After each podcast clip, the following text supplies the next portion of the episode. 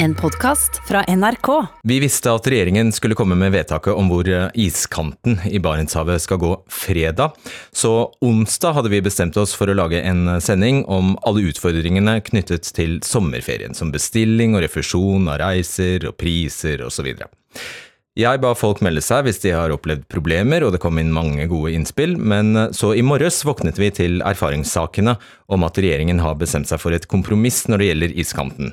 Så vi ombestemte oss egentlig, og vi eh, valgte å stole på våre dyktige kolleger i NRK som mente å ha gode kilder, så da svingte vi oss rundt og satte sammen det panelet du skal få høre. Helt siden mandag har vi invitert Yngve Slyngstad for å komme og snakke om turen til USA med Nicolai Tangen, og han valgte å stille i debatten. Det er vi takknemlige for, og han er den første du får høre. Ellers medvirker Sylvi Listhaug fra Frp, Arild Hermstad fra MDG, Espen Barth Eide fra Ap, Ola Elvestuen Venstre, Steffen Kalbekken fra Cicero, Helge André Martinsen DNB, Therese Hugsmyr Woie i eh, Natur og Ungdom og Tommy Hansen i Norsk olje og gass.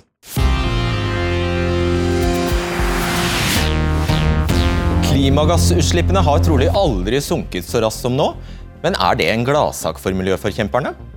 Og nøyaktig hva har Venstre oppnådd i regjering når det gjelder iskanten i Barentshavet? Nøyaktig hvor mange leteblokker har de greid å stanse? Heng med, så tar vi debatten snart. Men først. Mannen som i tolv år har unngått blest rundt egen person, som har ledet oljefondet til å bli et av verdens største fond, han som har sørget for at vi eier nesten 1,5% av alle børsnoterte selskaper i verden, den mannen skulle i dag si at han er skikkelig lei seg. Velkommen, Yngve Slyngstad. Takk skal du ha. Hva er du lei deg for? Når man gjør noe som er uheldig og det går utover andre, så er det greit å be om unnskyldning. Og I dette tilfellet så har det da gått utover alle de 550 utrolig flinke ansatte som jeg har eh, ansvar for, som jeg er leder for, som jobber i Oljefondet. Hva har du gjort som er galt? Det å sitte på med et privatfly hjem fra en konferanse i eh, USA skaper et inntrykk eh, som vi ikke er i tråd med det inntrykket som vi har lyst til å skape til norske folk med hensyn til hva fondet er og de som jobber der er. Nemlig vi forsøker nøkternhet. Vi forsøker på alle mulige måter å fremstå sånn at det ikke skal være tvil om at vi jobber for alles beste. Er det bare inntrykket som er problemet, eller var det et problem at du gjorde det? Det er også et problem å gjøre det, eh, fordi at det er uheldig.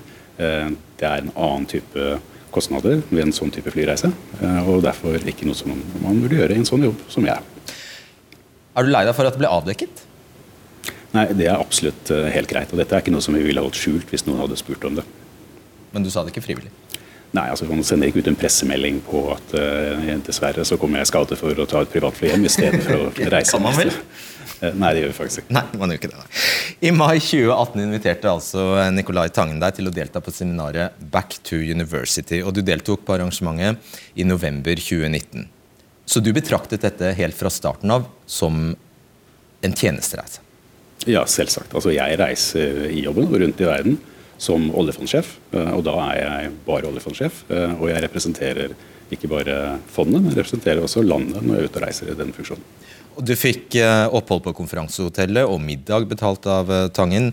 Ifølge Tangen er da ditt opphold og middag og verdien av en businessbillett verdt om lag 33 000 kroner. Hvorfor slo det deg ikke at det var feil å motta det?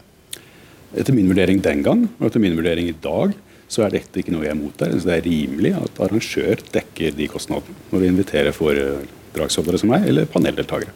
Det er vanlig. Det er hva vi gjør i utgangspunktet for de som kommer til våre konferanser.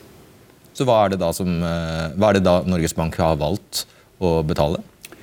Ja, når det er blitt så stor oppmerksomhet rundt dette, så er det selvsagt andre i Norges Bank som vil ta den beslutningen. Og det er også sånn at uh, det er en, uh, en ønske om at den norske stat agerer på en felles måte. Og når departementene er høyere i næringskjeden, og Næringsdepartementet er høyere i næringskjeden enn oss, er det naturlig at vi følger det eksempelet som de setter. Nå forstår jeg ikke helt. Hadde det vært, betyr dette at hadde det vært opp til deg, så skulle du fremdeles ha vært påspandert dette, og Norges Bank skulle ikke ha betalt noe av det? Eh, min vurdering den gang, og det kan ha vært en feilvurdering, og når det blir så mye diskusjon rundt det, så er det andre som tar den beslutningen. Eh, men det er at hvis det er kostbart arrangement, og man inviterer foredragsholdere, så må man stille spørsmålstegn ved det. Om man skal kunne dekke det. Men i dette tilfellet, eh, og vanligvis, så er det jo slik at vi vil dekke reisen. Det er det viktige her. Så den store feilen jeg gjorde, var å da sitte på med et fly tilbake igjen fra denne konferansen. Men du var der som foredragsholder?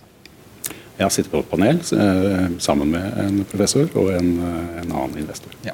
Og da er det, som vi stort sett vi alle vet, er at er, foredrags, er man foredragsholder, så er det helt vanlig faktisk at man får ja, til og med også reise betalt, kost og losji betalt.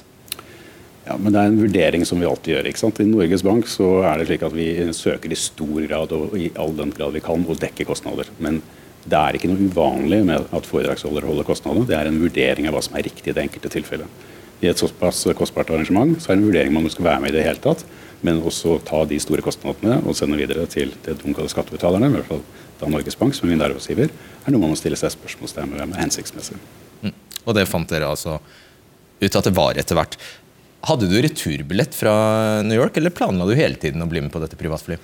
Nei, jeg hadde enveisbillett eh, fram til eh, fra eh, London til New York med Norwegian. Og et godt alternativ, og et mye bedre alternativ, som jeg skulle tatt, var å ta Norwegian tilbake igjen fra New York. Så svaret er at du planla faktisk å sitte på med dette privatflyet? Ja, men ikke helt fra begynnelsen. Men, altså, Nei, men tilbake. Ja. Hvorfor skal ikke Norges Bank betale det det faktisk kostet å frakte deg på det flyet, hvilket er om lag 70 000 kroner ifølge Tangen? Jo, altså I første gang så skulle jeg ikke sitte på det flyet i det hele tatt. så det, begynner med det.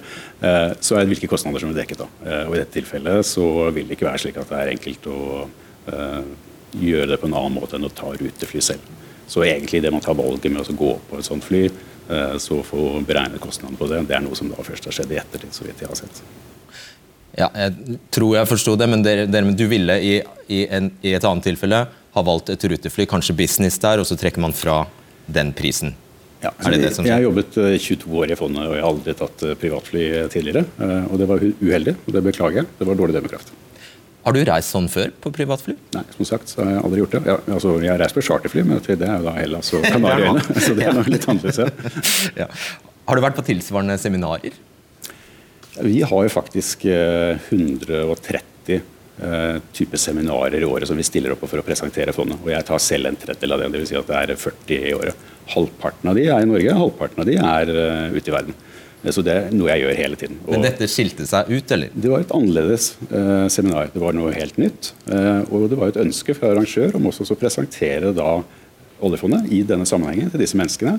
Og jeg syns det fremdeles i dag var et godt seminar og viktig å være med på for fondet og for meg i min rolle. Du sier oljefondet har strenge retningslinjer som våre ansatte nitid overholder, er du sitert på. Hvorfor gikk ikke da alarmklokkene hos deg før, tre, før for tre dager siden, faktisk? Hvorfor innså du ikke før nå at uh, Norges Bank måtte ta regningen? Ja, igjen, hvis du skylder på regningen, så snakker vi da om flyturen. Det var et, uh, en dårlig vurdering. Og vi bruker jo mye tid.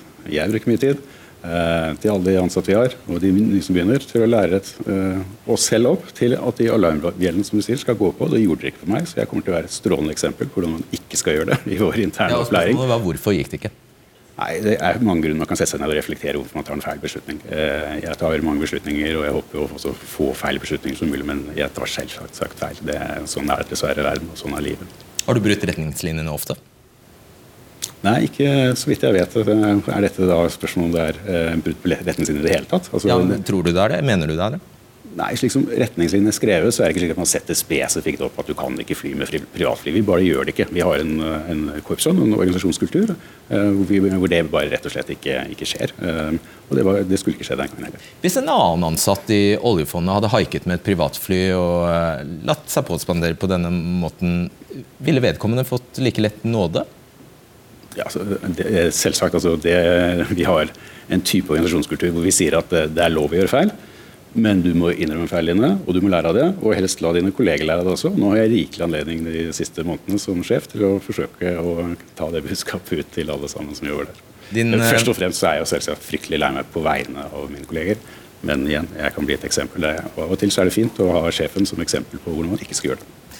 Din forgjenger, eh, oljefondets eh, førstesjef Knut Kjær, som også var med på turen, sier han vil skatte av reisen. Har du vurdert at den eh, bør innrapporteres eller inn, innberettes? Ja, altså Innrapportering er én ting, men sånn som reglene er, og dette har vi selv sjekket, så er dette da en tjenestereise med kostnader dekket av arbeidsgiver, og derfor ikke skattbart. Har du, vurdert, har du vurdert å betale noe av dette av egen lomme? Nei, altså det er ikke min vurdering at det skal gjøres i et tilfelle. Du har tidligere bekreftet overfor VG at den ledige stillingen var tema på seminaret i USA. Altså den ledige stillingen etter deg, selvfølgelig. Dette bekrefter Nicolai Tangen i en e-post han sendte deg i januar, der han ber om en tjeneste. Han skriver Dine sko som leder av oljefondet blir veldig vanskelig å fylle, men noen må jo forsøke, og vi var så vidt innom dette i Philadelphia, skriver han. Hva snakket dere om da? Nicolai Tangen eh, arrangerte også dette seminaret av den grunn at han syns det er strålende å vise fram Norge i utlandet. Han er stolt av eh, Norge. Han syns at oljefondet er en av de veldig veldig flotte tingene som vi har fått til. Eh, og selvsagt syns han da også det var hensiktsmessig å snakke med meg og sikkert mange andre om oljefondet. Hvordan vi driver, hva det er, hva det kan bli. Hvordan vi skal tenke på dette i lang tid fremover. Og dette kommer til å ha i mange generasjoner, så det er viktig for oss, tror jeg, og mange andre som, andre som var der også, og tenke nøye gjennom hvordan vi skal ta den forvaltningen Så dere snakket bare løst om oljefondet? Nei, vi snakket om altså løst var løst. altså Vi snakket om investeringsstrategier, måtte vi gjøre det på osv. Um, uh, men det var ikke noe sånt stort tema som vi holdt på med. Nei, men snakket dere om at du skulle slutte? Ja, men egentlig ikke mer med Nicolai Tange som arrangør enn mange andre av de som var der. Uh, så det er klart, fordi jeg nettopp hadde sagt opp, levert min oppsigelse, så var det et tema blant mange av de som var der. Hvorfor? hvordan jeg tenker rundt det. Eh, hvem som vil bli min etterfølger osv. Mm. Eh, og da var svaret det vet ikke jeg nå, så da må du spørre den ansettelseskomiteen som da er hovedstyret i Norges Bank her. Når forsto du at Tangen begynte å manøvrere seg inn mot denne jobben? Var det allerede i Philadelphia da dere hadde denne praten, eller var det først da du fikk e-posten fra han? Nei, altså Jeg hadde ikke en forestilling om at det ville være aktuelt for han når vi var på det seminaret i det hele tatt.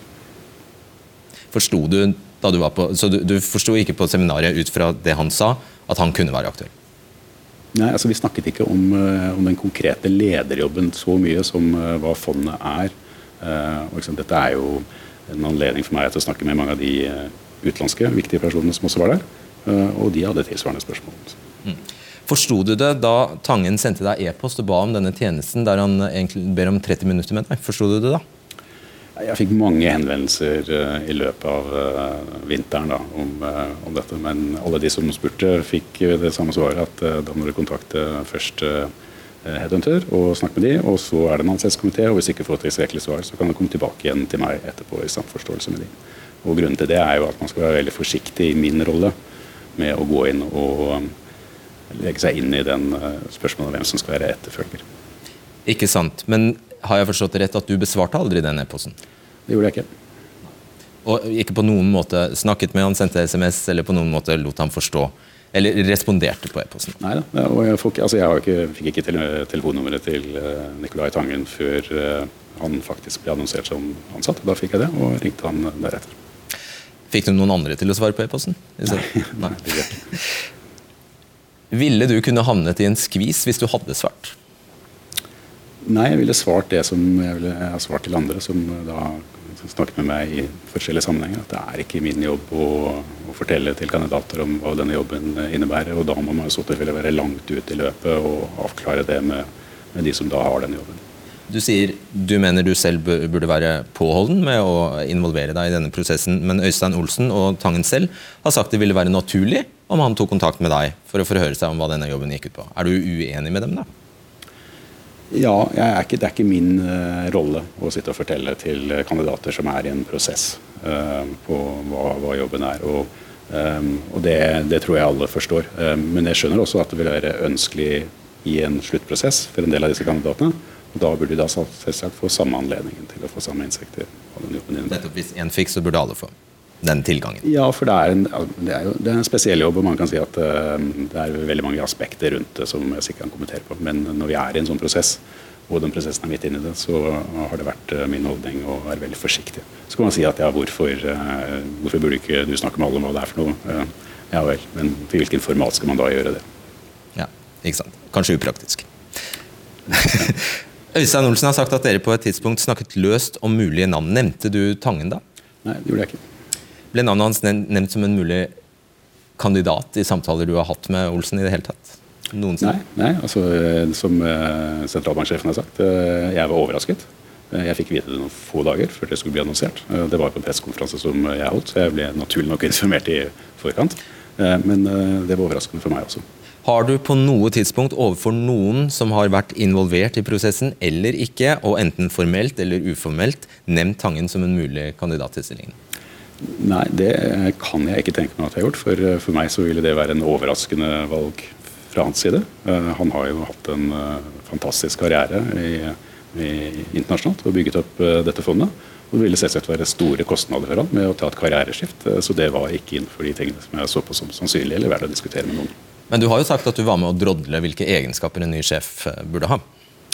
Ja, men ikke inn i den formelle prosessen. Uh, og det kan man stille seg spørsmål om jeg burde vært mer involvert i det tidlige stadiet med å si at det er slike egenskaper og ikke slike egenskaper osv. Men dette var jo opp til ansettelseskomiteen selv å vurdere hvem de vil innhente den type råd fra. Hva må Tangen gjøre med sin formue og innsynet i sine truster og selskaper? Det er noe som jeg på ingen måte skal legge meg borti. Er det forenlig å ha eierandeler i et hedgefond med manglende innsyn for publikum? Og samtidig være sjef for oljefondet? Da er det dessverre det samme spørsmålet at dette er andre enn meg som må vurdere og det andre enn meg som må kommentere det. Men dette går jo nettopp på egenskaper ved en sjef? Ja, men altså, dette er verken fora eller uh, anledningen til uh, de spørsmålene. Hvis det er noen som har lyst til å stille meg de spørsmålene, så må det være et helt annet format. I presseoppslaget i 2014, dette husker du helt sikkert veldig godt selv, så etter presseoppslaget i 2014 så valgte du å være åpen om dine egne aksje, aksje, aksjer som du da eide. Bør det samme gjelde Tangen, syns du? Det er gjennom vurdering som eh, må være opp til uh, hovedstyret i Norges Bank og, uh, og, Tangen selv. Uh, jeg fant det hensiktsmessig uh, å verken kjøpe eller selge aksjer, og bare beholde de jeg hadde, og utelukkende aksjer som er notert på Oslo Børs. det er en vurdering. Det er en vurdering som man kan gjøre forskjellig, avhengig av hvem det er og hvilken situasjon det er. Så det er i hvert fall ikke utelukkende? altså Det utelukker ham ikke? Nei, og det er heller ikke min rolle å si noe om. Du sier at denne turen eh, ikke var på linje med oljefondets beskjedne profil. Hvordan vil Nicolai Tangen skli inn i en beskjeden profil, tror du? Jeg tror alle skjønner at uh, oljefondssjefsjobben er vanskelig av en enkel grunn. Du må ha én fot på Wall Street og én fot i Akersgata. Da tenker vi på Finansdepartementet mer enn, mer enn mediene. Og så må man på en eller annen måte greie å håndtere begge arenaer. Det er nok rett, lettere for en som har begge føttene på Wall Street, å lære seg den andre fotavtrykket, enn omvendt. Så jeg tror det er en stor fordel å få inn en kandidat som har veldig god kunnskap og innsikt i hvordan disse markedene fungerer, og det utrolig tøffe gamet det er der, å kunne håndtere det på vegne av oss alle. Hva mener du må til for at Tangen skal eh, få tillit etter dette? Tillit er noe man eh, må bygge opp over tid. Det er noe man må gjøre seg fortjent til ved den jobben man gjør. Det er ikke noe man får i utgangspunktet, det er noe man faktisk bygger over mange år. Har han mistet tillit, vil du mene? Nei, men det er det samme som, som, jeg nå. Jeg har forsøkt å bygge tillit gjennom mange år, og så gjør du noe feil, og så må du begynne igjen. Hva syns du om hele denne saken, egentlig? Er det, er det en viktig sak, eller er det storm i et vannglass? Nei, Jeg syns det er en viktig sak av mange ting. Det reiser en del prinsipielle spørsmål. Det enkle spørsmålet hvem skal spandere er kanskje viktigere enn hvor store kostnadene er. Ehm, det er en vurdering man må gjøre skjønnsmessig. Så har du spørsmål om hvordan er det egentlig man skal foreta rekrutteringsprosesser i offentlig sektor som er så store og viktige som dette. Så er spørsmålet hvilke kriterier, hvor viktig er denne jobben, hvem skal man egentlig tenke rundt, hvordan skal vi tenke rundt dette, hvilken investeringsstrategi skal vi ha. Det er et ekstremt komplekst spørsmål med mange dimensjoner, og det er et spørsmål som er overlatt til hovedstyret i Norges Bank eh, å vurdere. og det er ikke min jobb å vurdere det. Så det er faktisk la saken komme opp? Jeg tror det er en fordel, absolutt. Det er en fordel på alle mulige måter. Det er en fordel både for åpenheten vi skal, det er en fordel for å vise alle hvilke feil man ikke skal gjøre. Og det er definitivt også en god anledning til å tenke gjennom uh, hva er dette fondet vårt, og hvordan skal vi styre det fremover. Du er avtroppende. Når skal du gå av, egentlig? Det er i utgangspunktet første uken av september som er satt som dato for det. Og Hva skal du gjøre etterpå? Det er en avtale jeg har gjort med Norges Bank, at jeg vil forbli i fondet i to år for å sørge for at overgangen mellom ny og gammel sjef blir god. Eh, og at jeg passer på og tar vare på den som kommer inn, eh, slik at vi ikke skal få for mange vanskelige situasjoner.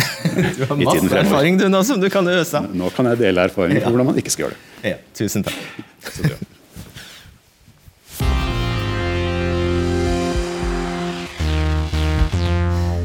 Så til noe helt annet. Etterspørselen etter olje har nær sagt stoppet helt opp. Klimagassutslippene synker som en stein, og på sosiale medier har vi sett bilder av skyfrie storbyer som Beijing, London og New York. Men er det en gladnyhet? Er det det, Arild Hermstad? Altså, det er klart at luften, det er nok bra for luften, det er bra for jorda vår at vi har mindre utslipp, men det er jo ikke en gladnyhet. Det er ikke sånn vi skal løse klimaproblemene. Det er ikke sånn vi skal løse miljøproblemene. Så jeg syns personlig at det er eh, virkelig et nederlag at det er sånne tiltak som får ned utslippene våre. Det er ikke sånn det skal være. Skal vi trekke fram noe positivt? Er det, er det overhodet ikke positivt at, at, klimagassutslippene faktisk synker? Som sagt, så er det jo, eh, Hvis du ser det fra naturens synspunkt, fra jordens synspunkt, så er det jo det som trengs. Eh, men poenget er at dette er jo ikke en varig løsning. Det er ikke sånn vi kommer til å klare å, å løse de menneskeskapte klimaendringene. Og Det betyr at koronakrisen den Eh, kan du si gi kanskje et pusterom for både klima og natur og luften vår. Men eh, erfaringen er jo at når den krisen er over, så går vi tilbake til det gamle. Og så sitter vi igjen med et, eh, kanskje et enda større miljøproblem. Fordi at vi forurenser mer for å få hjulene i gang. Og det er det vi er opptatt av at vi må unngå fremover. Sylvi Listhaug, er det en gladsak? Overhodet ikke, for det fører jo til massearbeidsledighet. Vi har jo sett i Norge alene nå at vi har 400 000 permitterte. Fordi at Hvis vi slutter å ta fly, slutter å kjøre bil, slutter å handle, ja, så fører det faktisk til at uh, tusenvis av mennesker mister jobben sin. Og Det er derfor det er så viktig å holde hjula i gang nå i flest mulig bedrifter, sånn at folk har en jobb å komme tilbake til. Uh, så Derfor er det viktig fremover at vi stimulerer til at folk bruker penger. At ikke vi blir mer sunnmøringer og legger for mye på kistebunnen, men at vi etterspør varer og tjenester gjør at folk har en jobb å gå til. Tror du egentlig at dere er uenige om noe som helst? Ja, jeg tror det. Eh, fordi at eh, Problemet som eh, Frp er jo at de sier f.eks. at la oss sette klimatiltakene på pause for å løse klima, koronakrisen. Og Det er akkurat det motsatte vi skal gjøre. Det er ekstremt viktig at når vi skal ut av den krisen vi skal ut av nå, så må vi ikke gjøre de feilene som vi har gjort før, og investere i de feil, i de, f.eks. i olje og gass, og tro at det er en viktig del av løsningen. Vi bør også droppe prosjekter som vi vet øker utslippene. Men unnskyld, Hvor kan... langvarig har du planlagt at denne koronakrisen skal, skal bli? Altså, skal, du, skal du stille om økonomien i løpet av disse ukene? Nei, altså, eh, Jeg overlater til fagfolkene å mene noe om hvor raskt dette skal skje. Eh, fordi eh, vi, altså, vi kommer til å leve med risikoen for pandemi lenge. Vi kommer til å leve med andre tiltak. F.eks. kollektivtrafikken vår kommer til å tape penger veldig lenge. Eh, vi kommer til å ha mange andre bransjer som er snudd opp ned. Altså fly, at vi kan fortsette med billig flyturisme, det tror jeg er eh, de ideene må vi legge bort. Cruisenæringen kommer heller ikke til å bli det den var. Og Noe av dette er jo faktisk eh, ting som kan være positivt for miljøet vårt, og som gjør at vi kan komme raskere til eh, å løse klimakrisen. Vi kan altså ikke gå ut av koronakrisen og investere oss inn i en klimakrise. Nei, Det betyr jo da masse arbeidsledighet. Massevis av folk over hele jorda som kommer til å miste jobben sin. og At dere jubler for det, det får nå så være deres sak. Men det er klart at olje- og gassindustrien, som er noe av det viktigste Norge har hatt gjennom så mange år, så kommer til å være viktig videre. Hvis vi slutter å investere der og gjør det som MDG vil, nemlig å legge ned næringa, så betyr det titusenvis av mennesker over hele landet som mister jobben.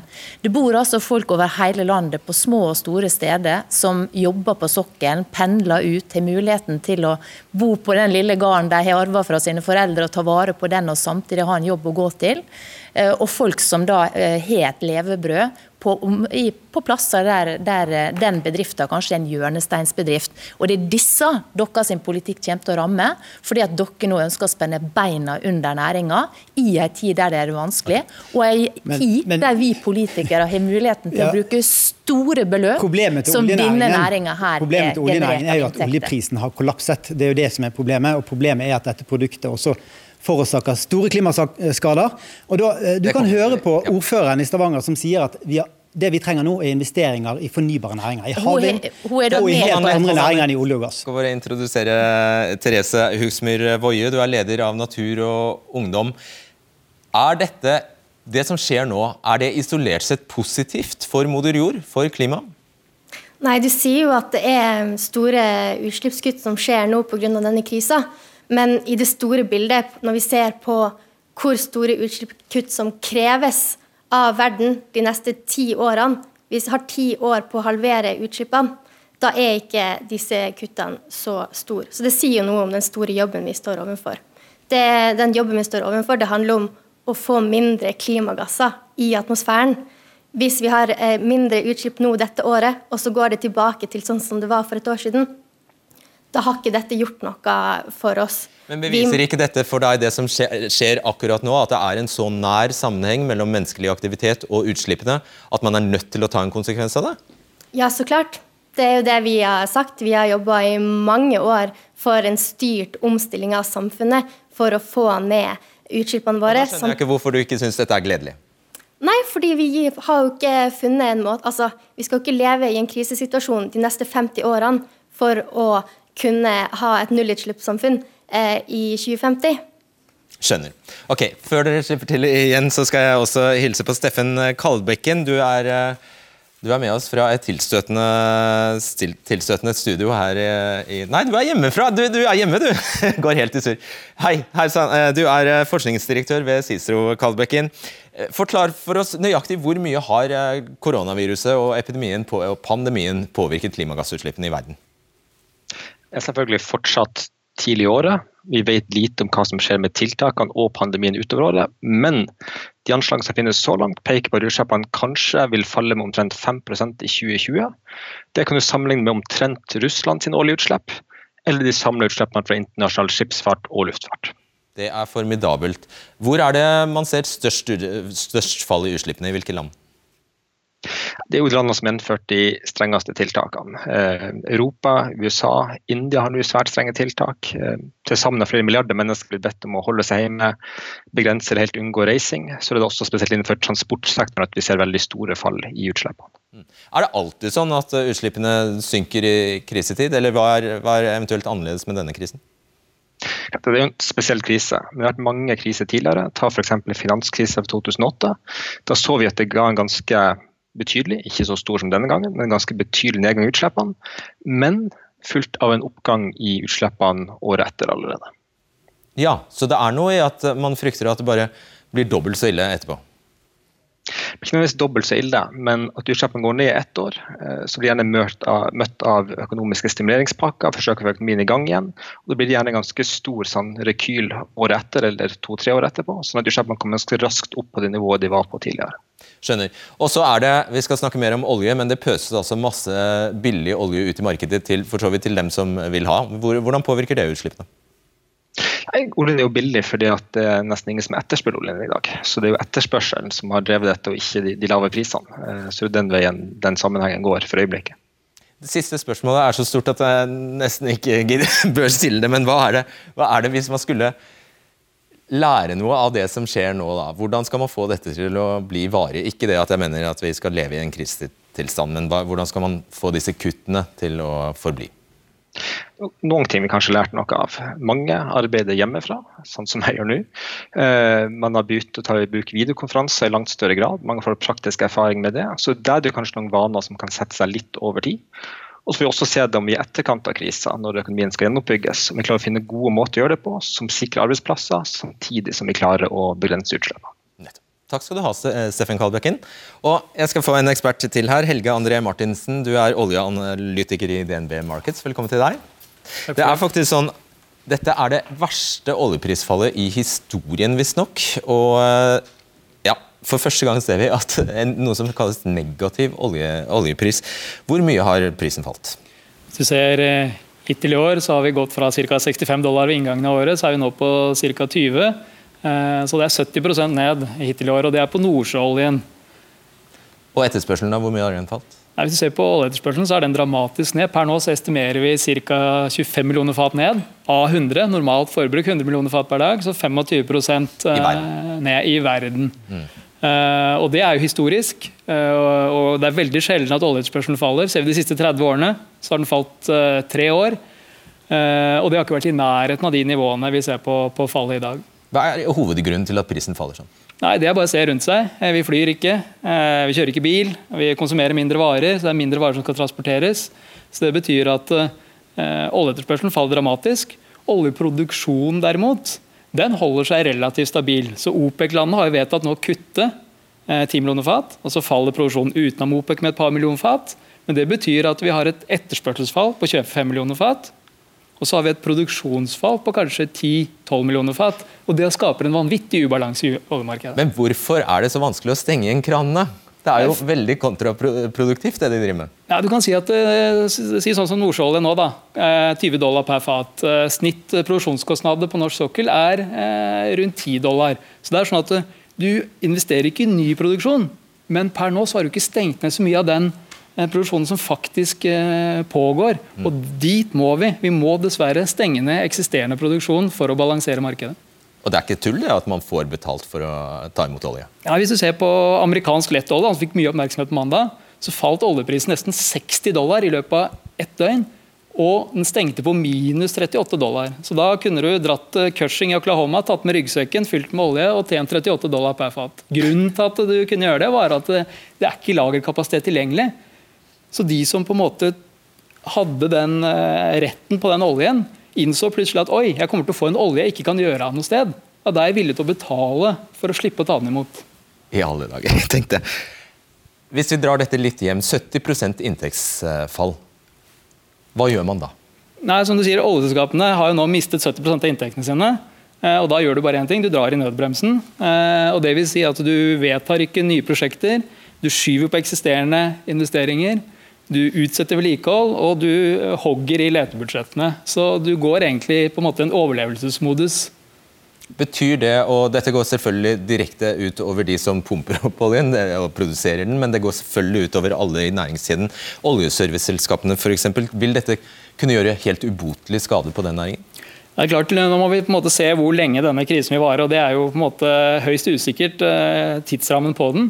Eh, men så lenge liksom oljeselskapene står øverst i næringskjeden og kutter og så skal Vi huske at vi hadde en oljekrise tilbake i 2015 og 2016, og da slet oljeservicenæringen veldig. Oljeselskapene har kommet til hektene, oljeservicenæringen har ikke kommet til hektene. Så De har på en måte fått en ny krise i fanget, mens de fortsatt er i knestående.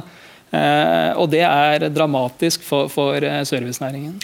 Kan vi risikere, Hva skjer når denne krisen endelig er over? Da Kan vi da risikere å få for lite produksjon? Ja, Det er et godt poeng. fordi at Det vi på en måte ser ikke sant, og frykter, det er jo, hvis vi ser hva som skjer rundt oss i samfunnet, det er at politikerne prøver å holde kapasitet og arbeidsplasser oppe i tjenestesektoren, i, i industrien, som på generell basis.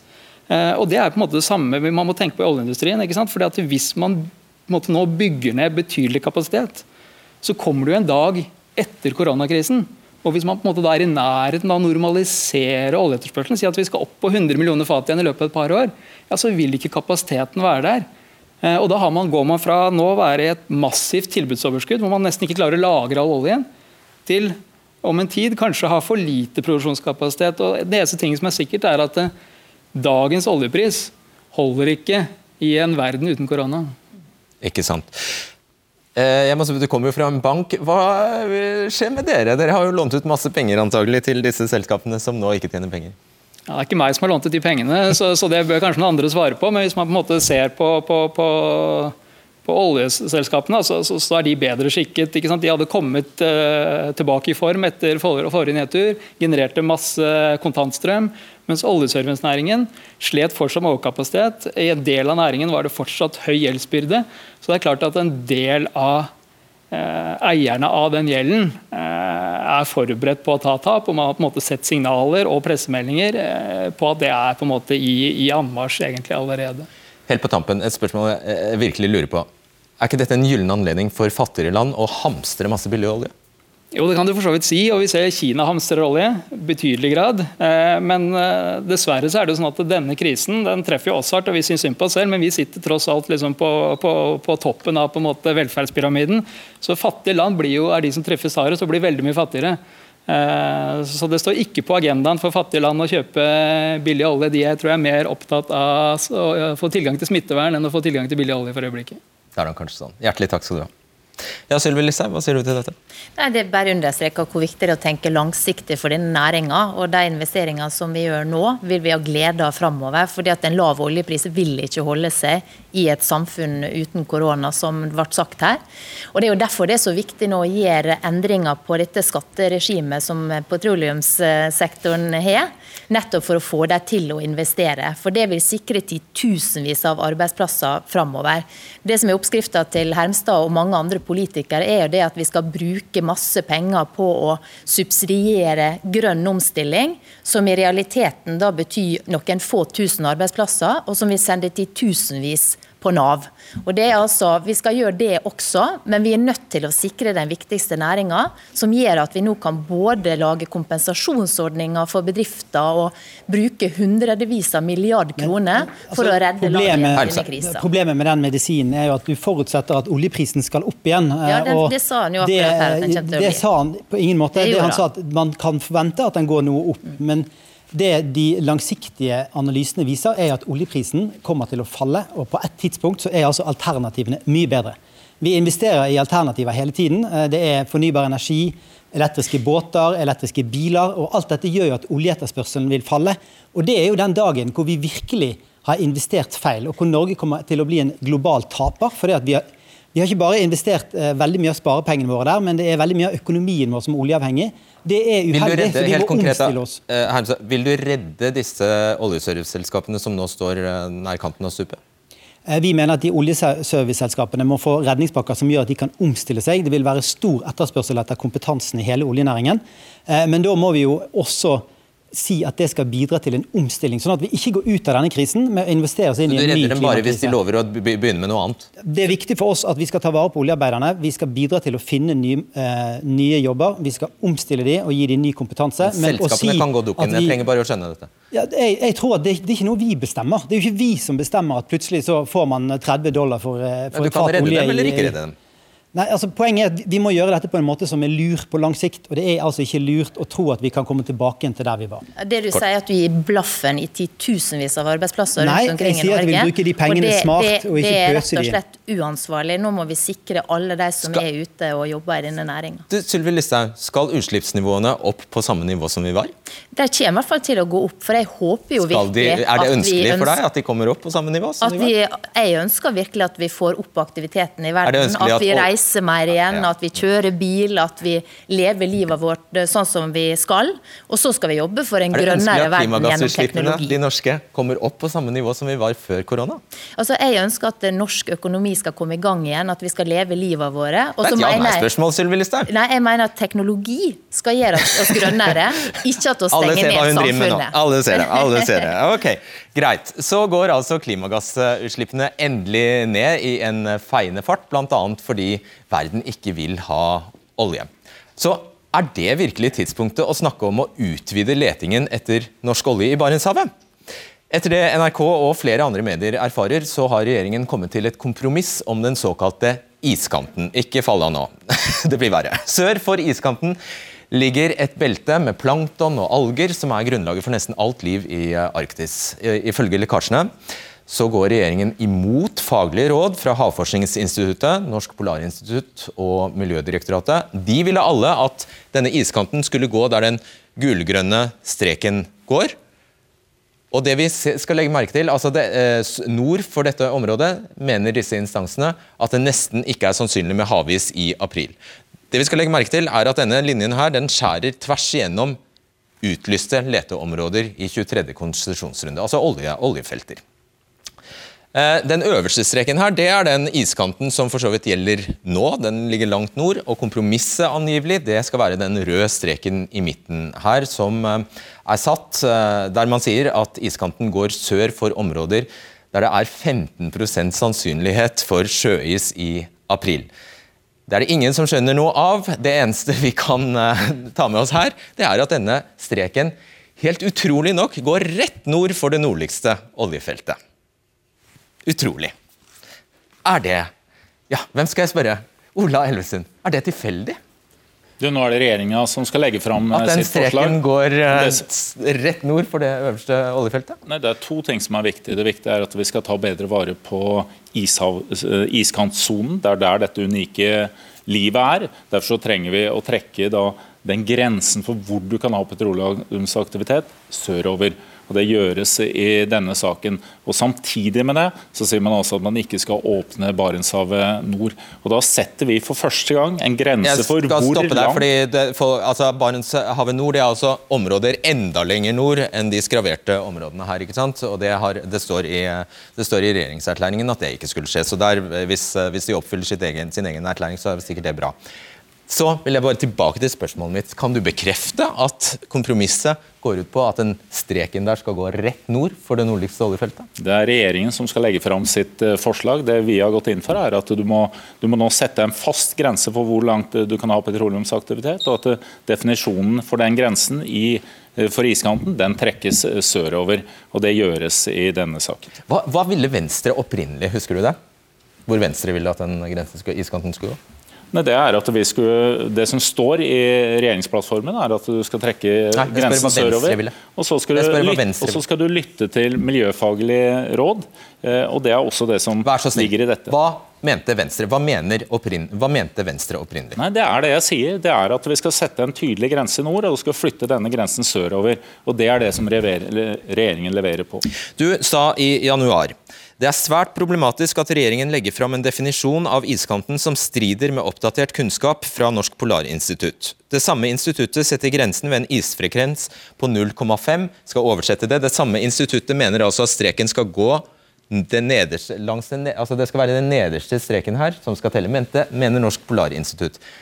Nei, det de sier er, at det, er Venstre enig i det? De sier at det er så langt ned at du kan forekomme is etter, etter de siste 30 år 0,5% og Så sier ikke de noe om akkurat hvor den grensen på forvaltningen skal gå, i forhold til hvor du ikke skal ha petroleumsaktivitet. Det vi har sagt, er at vi må lytte til miljøfaglige råd, og du må trekke den grensen sørover. og Det er det regjeringen følger opp.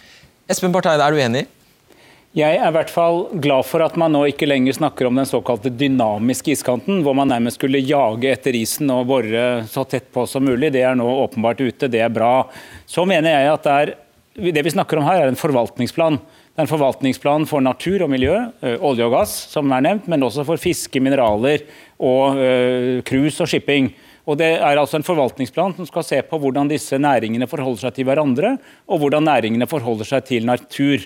Og Da er det et grunnleggende premiss at man begynner med å spørre fagfolka som har mest greie på det, nettopp Polarinstituttet, Havforskningsinstituttet, Miljødirektoratet, Meteorologisk institutt, hele denne gruppen av tunge faglige miljøer. De har gitt et veldig klart råd.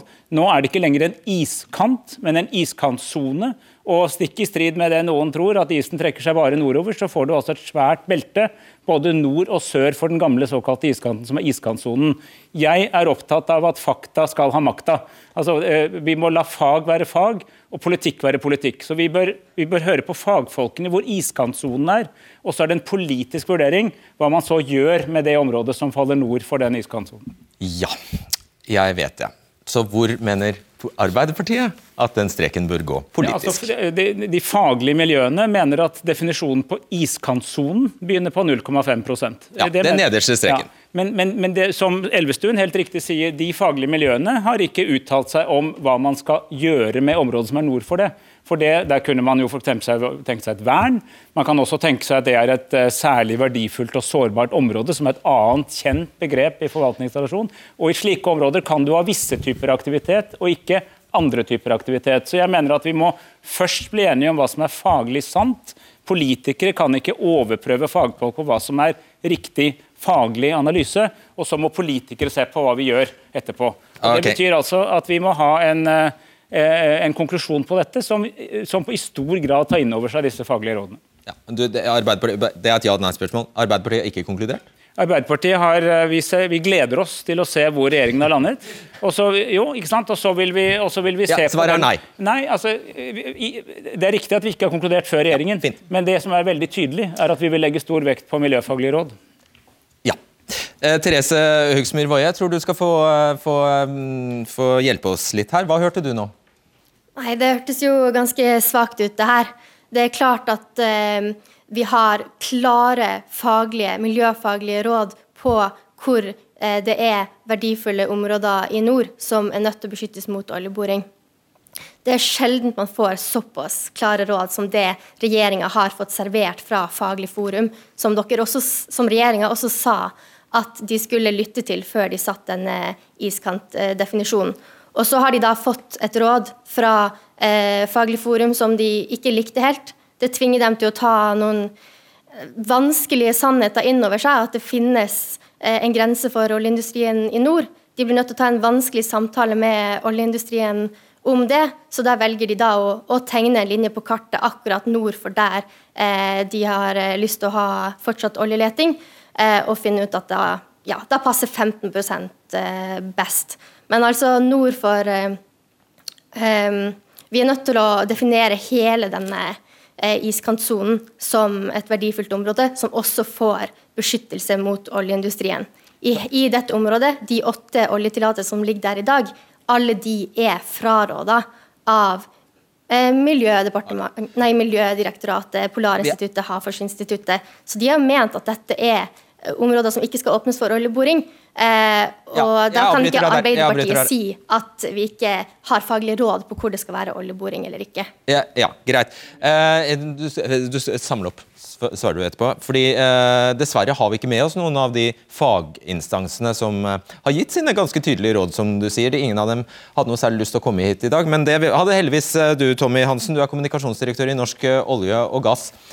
Du, eh, har du skjønt hvor denne streken kommer til å gå? Hvor iskanten kommer til å gå? Nei, vi har ikke sett det som regjeringa skal legge fram. sånn at uh, Vi uh, har ikke sett i kartene endelig hvordan dette er utforma, så vi er også spent på hvordan denne konklusjonen kommer til å være. Hvor uh, vil du at den skal gå? Vi har jo sagt at, eh, eller vi skal huske på at iskanten og iskantsonen faktisk er et naturfenomen som flytter på seg, eh, og leser verken stortingsmeldinger eller kart eller eh, andre ting. Så er det viktig for oss at en forvaltningsplan skal følge tradisjonen for forvaltningsplaner. De skal altså både ta viktige hensyn i forhold til miljø, i forhold til biologisk mangfold, som flere har vært inne på, men de skal også ta hensyn til hvordan vi skal klare å skape verdier, hvordan vi skal klare å ha næringsaktivitet. ikke bare olje og gass, men all type næringsaktivitet. Disse hensynene må kombineres på en god måte. Og så er det viktig for oss at eh, når dette oppdateres, at det ikke skaper utfordringer eller eh, lager spørsmål rundt eh, areal som er åpna av et eh, bredt flertall i Stortinget for petroleumsaktivitet. ja, Du glemte hva jeg spurte om, faktisk. Hvor vil du at streken skal gå? Ja, eh, vi eh, skal ikke bestemme dette, det skal Stortinget bestemme. hvor vil dere ha streken? Det må være mulig å svare på. Hvor vil norsk olje og gass at streken skal gå? Jo, det svarte jeg egentlig på, for jeg sa at vi mener at iskantsonen. Ja. Nei, men da skal, jeg, da skal jeg gjenta det. Fordi Vi mener at iskantsonen eh, bør gå eh, der iskantsonen faktisk befinner seg, altså en dynamisk definisjon. Men så har vi selvfølgelig fått med oss at det kanskje ikke blir sånn eh, når man begynner å regne ja. politisk flertall. Og Da tror jeg du Aril Hermstad, kan hjelpe oss med å forklare hva dynamisk eh, iskant eh, betyr. Altså, ja, Hva er det? Det er jo egentlig det litt ville faktum at pga. klimaendringene så blir det mindre is. og Da kan man på en måte argumentere for at det er mulig å flytte oljeletingen lenger nord. fordi at Hvis det, at iskanten da flytter seg lenger nord, så kan, man, kan oljenæringen følge etter og for så vidt bidra til at iskanten kommer enda lenger nord. Og det, Tommy sånn- Hansen sier er at da setter man den streken der streken faktisk går. Men, da setter man kampen altså, der kampen faktisk Nå må vi bare huske én ting. nå. Eh, og det, det, ja, det er det det betyr. I disse, i, I disse, krisetider så Vi hører på ekspertisen når det gjelder smittevern. Alle er enige om at vi lytter til de helsefaglige rådene. Men når det kommer til miljøsaker, og iskantsonen det handler ikke om olje. Det handler jo egentlig om det fantastiske økologiske livet som skjer rundt iskantsonen. Men da skal, altså Miljøfaglige råd, nei, det kan vi liksom kompromisse med. Og tenk hvis vi hadde kompromisset med smitteregler i, i disse tider, dere. Og det, mener, vi, vi, kan jo ikke holde på sånn i miljøsaken at miljøfaglige råd det er sånn cirka interessant for oss, og så lager vi et politisk kompromiss som ikke tar hensyn til de verdiene vi skal prøve å ta vare på. Her er dere overraskende nok helt på linje med norsk olje og gass, Lise? Ja, for vi er ekstremt opptatt av rammebetingelsene for Norges eh, viktigste næring. Pengemaskin nummer én, som har brakt oss den velstanden vi har, og som bidrar til tusenvis av arbeidsplasser over hele landet. Og jeg syns det er jo veldig synd at Arbeiderpartiet, som da burde stått opp for industriarbeideren, for alle de som jobber i denne næringa, at de nå er på glid eh, mot MDG og, og andre. Eh, for dette handler om rammebetingelsene for næringa i et langsiktig perspektiv, og der mener Fremskrittspartiet at man må, må, stå fast. Ja, og bare for å forstå det. Klimaendringene, eller hva det nå er, i hvert fall isen smelter. Kanten ja. trekker seg nordover, og du, du er av den formening at fordi kloden koker og isen smelter, så kan man trekke en ny linje. Ja, Det er jo absurd i en situasjon der isen trekker nordover, at man da ønsker å trekke streken sørover. Det syns vi er absurd. Men så er det jo sånn at denne kanten den flytter seg på ulike årstider. Og så er det jo sånn at næringa vil ta hensyn til det, selvfølgelig. Så vi har full tiltro til olje- og gassnæringa. De har vært ansvarlige i alle åra de har vært på norsk sokkel. Og det kommer det til å være videre her også. er det først. Altså, det er overhodet ikke absurd. Det er faktisk det hele fagmiljøet sier at eh, selv om den faste observerbare isen går nordover, så får du en iskantsone som blir bredere, og som derfor også går sørover. Og I det området er det aller rikeste marine livet. De viktigste biologiske ressursene er der. Dette er faglige innspill som er helt omforent. Og da mener jeg at Vi kan ikke sitte på Stortinget og overprøve at det ikke stemmer, eller at det stemmer 50% vi går liksom midt på og finner en mellomting. Vi må legge det til grunn. Men så er det vår jobb å se på hva betyr det for hva slags næringsvirksomhet vi skal føre. Nå taler du med med to tunger. Nei, jeg gjør ikke det. Jeg... Nå, her sier du vi må lytte til faglige råd, men så blir det opp til oss politikere å bestemme hvor vi vil drive oljevirksomhet. Ja, sånn, vet du hva? Det er hele tradisjonen for forvaltningsplanen gjennom mange år. Hvis De hører på de faglige rådene de da? De faglige rådene etablerer hva som er eh, riktig og sant i forhold til hvordan naturen er. Men altså, all næringsvirksomhet griper inn i naturen. Det er gammelt nytt. Poenget er at man skal redusere, man skal sørge for at næringene forholder seg til hverandre og til naturen på den best mulige måten. Det har alltid vært sånn gruvedrift, olje, fiskeri. Alt har effekter på naturen. Men du skal altså minimere skadevirkningene og prøve å få til den best mulige samspillet. Det er det en forvaltningsplan dreier seg om nå, som det gjorde da de første kom for 20 år siden. Vil du, ok, La meg spørre enkelt. da. Vil du bore etter olje der faginstansene sier nei? Eh, vi har altså ikke konkludert på Nei, nei, nei.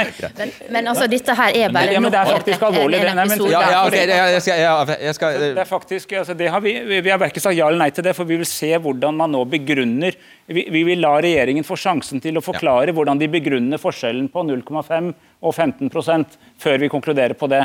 Men at vi skal etablere hva som er sannheten om iskantsonen, det skal vi la fagfolkene gjøre.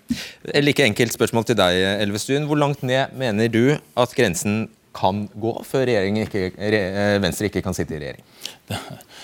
Nå sitter Venstre i regjering, og Venstre kommer til å være med på det som legges fram på dette. Og vi, jo, men, og vi, tar hensyn til miljøfaglige råd. Det gjorde vi når vi stengte Lofoten, Vesterålen og Sentra, eller ikke åpna den. Og det gjør vi her når vi har sagt at vi skal definere iskantsonen i denne saken, og vi trekker den sørover. Så skal, regjer, så skal regjeringen legge fram den, den saken. Det, det vet vi alle.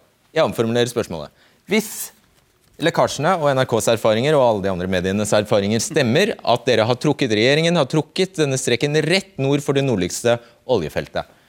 Er det i tråd med Venstres politikk? Kan da Venstre bli sittende i regjering? Det er regjeringen som skal legge fram en sak, og vi sitter selvfølgelig i en regjering som legger fram denne saken, og med klima- og miljøministeren. Ja, Så svaret var ja, det kan være venstrepolitikk? Det er regjeringen som skal legge, det er regjeringen som skal legge fram sin sak, og jeg kommer ikke til å si noe om hvordan det vil se ut i dag. Altså, jeg synes jo Det er trist at ikke Venstre klarer å formulere et primærstandpunkt som er i tråd med de miljøfaglige vurderingene.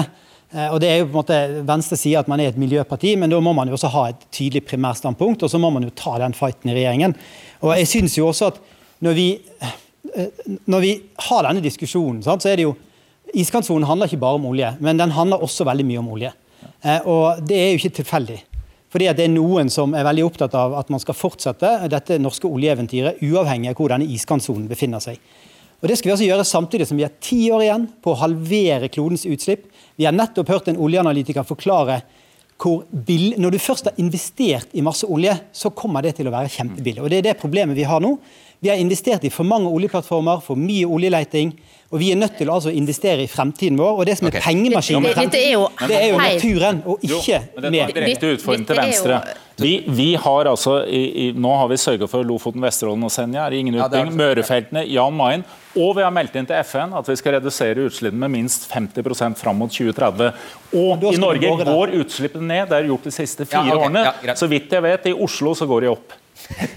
altså, det er jo helt vanvittig å stå og påstå at vi har investert for mye i olje i Norge, når vi er midt i en koronakrise som er en av hovedgrunnene til at prisen er så lav. Og Vi har jo sett de siste ukene og månedene at Saudi-Arabia og Russland kan jo når som helst bare skru opp kranene hvis vi stenger ned. Og Det er det det norske samfunnet som taper på. Og så må jeg bare si til Arbeiderpartiet at Det som er så frustrerende, det er at vi aldri blir klok på hva dere mener. Det samme med denne oljeskatten, som vi mener vi må gjøre endringer på, slik at det nå investeres. Vi får aldri gode svar på hva man mener. Forrige uke så sto man her og var mot å ta imot flyktninger fra Moria. Nå har man snudd på det. Og Sånn kan du ta sak etter sak. Jo, men det er noe med at det er så uforutsigbart. og Det tror jeg rett og slett at veldig mange industriarbeidere der ute nå er bekymra ja, for. Hvor fordi dere må stå opp for oljearbeiderne i den situasjonen vi er nå. Ja, hvor forutsigbare er Frp? Dere har sagt at kan, denne saken er så viktig for dere at dere kan finne på å felle regjeringen? Vi har sagt det, at vi forventer nå at regjeringa setter seg til forhandlingsbordet sammen med oss, og at vi har som utgangspunkt at det i hvert fall ikke skal flyttes sørover. Så, Så det kommer til strek, å være... Hva, ja, hva betyr det? Hva innebærer det? Hvis, I dag som sagt, er det den øverste streken som gjelder. Betyr det at dere feller regjeringen hvis regjeringen nå foreslår at streken skal gå sør for den øverste streken? Da skal de først få legge det fram, og så skal vi sette oss ned og forhandle. Men vårt utgangspunkt er at linja skal gå dersom den går i dag. Og vi har vært tydelige på det at vi forventer at regjeringa, dersom de ønsker vår støtte framover, at de er, er, er ja, samarbeidsvillige på det. Men så det er jo veldig bra da kan du si til velgerne inne i kameraet der at da innsetter Frp Jonas Gahr Støre som statsminister hvis den øverste streken der røres? Ja, nå skal vi sette oss ned og forhandle om det men vårt utgangspunkt er at vi kommer ikke til å se et Så dere Jo, vi er tøffe på det.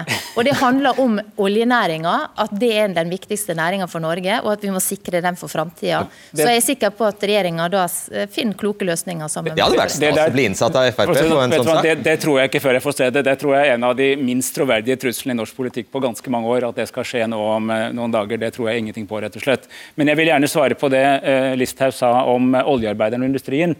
Jeg står opp for dem. De er i en veldig alvorlig krise. og Vi må tenke prinsipielt og langsiktig rundt det. Vi må også løse en akutt krise akkurat nå. Det siste den bransjen trenger eh, nå, det er altså en sånn tut og kjør-populisme, hvor man blir en del av et slags sånn eh, polarisert spill. Jeg tror det er veldig mye viktigere at man får bred, solid enighet og forståelse om hvor disse grensene går. Det tjener også oljeindustrien, og jeg kjenner mange mennesker i den industrien som ønsker at dette blir avklart av et bredt flertall, og ikke en del av en veldig polarisert diskusjon ledet av Sylvi Listhaug og Fremskrittspartiet. Jeg synes det er utrolig at du kan stå og si en polarisert diskusjon. Dette handler om Norges viktigste næring, framtida for titusenvis av mennesker der ute. Og Så langt har dere heller ikke greide å avklare ordentlig om dere støtter det nye forslaget fra en samla næring om å gjøre noe med petroleumsskatten som gjør at disse selskapene nå investerer. Kan du nå stå og love at dere vil støtte det, slik at vi har et flertall på Stortinget nå for å sikre at disse oljeselskapene nå investerer? Ja, men Dette er viktig hvis man er opptatt av industriarbeiderne. Det er en dyp og alvorlig krise i leverandørindustrien. Den må vi ta alvorlige grep rundt og gjøre noe med. Fordi, og, men om hva som er den innretningen på det, der har vi jo fått uh, både noen forslag, vi har fått noen uh, innspill fra Finansdepartementet som går imot det. Dette ser vi på grundig, for dette må gjøres skikkelig og ordentlig. Men okay. noe kommer til å skje. Tommy, Tommy Hansen, hvor viktig er denne iskanten for dere? Det som er viktig for oss er jo at de områdene som av et stort flertall i Stortinget er åpna for petroleumsaktivitet, eh, ikke eh, får noen eh, forstyrrelser.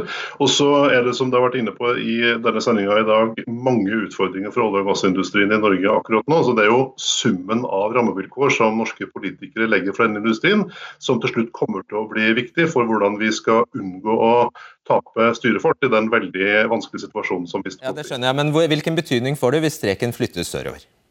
Eh, ja, altså Hvis du, hvis du begynner å røre areal som er åpna, så er det klart at det vil være, vil være utfordrende. for Da har du har først et stort flertall i Stortinget sagt at nå åpner vi dette området for uh, petroleumsaktivitet, og så sier noen andre at nå gjør vi noe annet. Og så er det viktig å huske som du også har vært inne på, at en såkalt SVO, et særlig verdifullt område, ikke betyr noe forbud mot petroleumsaktivitet. Og det er ingen i petroleumsindustrien som står klar til å komme nærmest mulig iskanten. Vi skal følge det vi har gjort i over 50 år på norsk sokkel, og gjøre dette dette ordentlig, trygt og sikkert eh, hvis det skal gjøres. Heimstad. Sannheten er jo at dette betyr ganske lite egentlig for oljeindustrien. For det er jo ekstremt usannsynlig at det vil bli spesielt lønnsomt å gå inn i disse veldig sårbare områdene. Det vil bli enormt dyrt. Klimamessig er det jo russisk rulett. Vi har en, eh, nå har nettopp Elvestuen bekreftet at regjeringen jobber for å halvere utslippene på ti år. Eh, og Da sier det seg selv at vi må finne en måte å avslutte det norske oljeeventyret på, som er verdig også for de som jobber i næringen, som gjør at vi som politikere tar ansvar for å investere i det nye, den nye okay, økonomien. Ja, det har du sagt mange ganger. Og det er var, viktig. Altså, dette er jo nesten nær sagt en ubetydelig kamp, sier eh, Hermstad, men dere har jo faktisk tatt den til Høyesterett. Så viktig var den for dere. Ja, så klart. Dette handler om eh, et av de havområdene som er mest viktig for den biologiske produksjonen i havet vårt. Altså de verdiene som finnes i de fiskeressursene eh, og maten til hval og sel og sjøfugl og alt som er oppe i Arktis. Det er helt avhengig av denne iskantsonen. Siste, ja, eh, sorry, jeg bare avbryter deg for et siste spørsmål. Hvis det er nå sånn, hvis eh, erfaringene viser seg å stemme, og den nye streken altså blir den rød, som da skjærer akkurat klar, akkurat nord for det øverste, det nordligste feltet, da har dere og Venstre er med på et sånt kompromiss. Da er det flertall på Stortinget for å sette streken der. Og da har dere tapt saken, vel? Nei, vi, vi tar ikke det som et tap. Vi skal kjempe for at eh, Venstre skal, eh, skal skjerpe seg og fortsette kampen og finne et stortingsflertall for, å, for at eh, når man sier at dette området er viktig nok til å bevare, at man vil bevare verdiene ved iskantsonen, så må man lytte til forskerne på hvor den sonen befinner seg, og hvor disse verdifulle eh, verdiene er. Og eh, uansett, hvis den eh, streken lander der, så har vi tatt disse oljelisensene eh, nord for der vi mener iskantsonen eh, burde ligge, eh, og tatt dem til Høyesterett. De skal behandle saken i, i plenum med alle høyesterettsdommerne, og der forventer jo vi at, eh, at staten får seg en, eh, et sjokk når man finner ut at eh, man kan ikke bare tute på og kjøre med eh, oljeboring i, eh, i Arktis når man eh, vet at man allerede har funnet mer olje og gass enn det klimaet kan tåle. Ja, Fordi dere mener altså at det strider mot eh, Grunnloven, faktisk, denne 23. konsesjonsrunden. Da sier jeg tusen hjertelig takk til eh, alle som deltok i kveld. Og hvis du vil vite litt mer om hvordan denne sendingen ble til, ja, da laster du ned podkastversjonen av debatten, som blir klar om en times tid. Vi er tilbake på tirsdag. På gjensyn.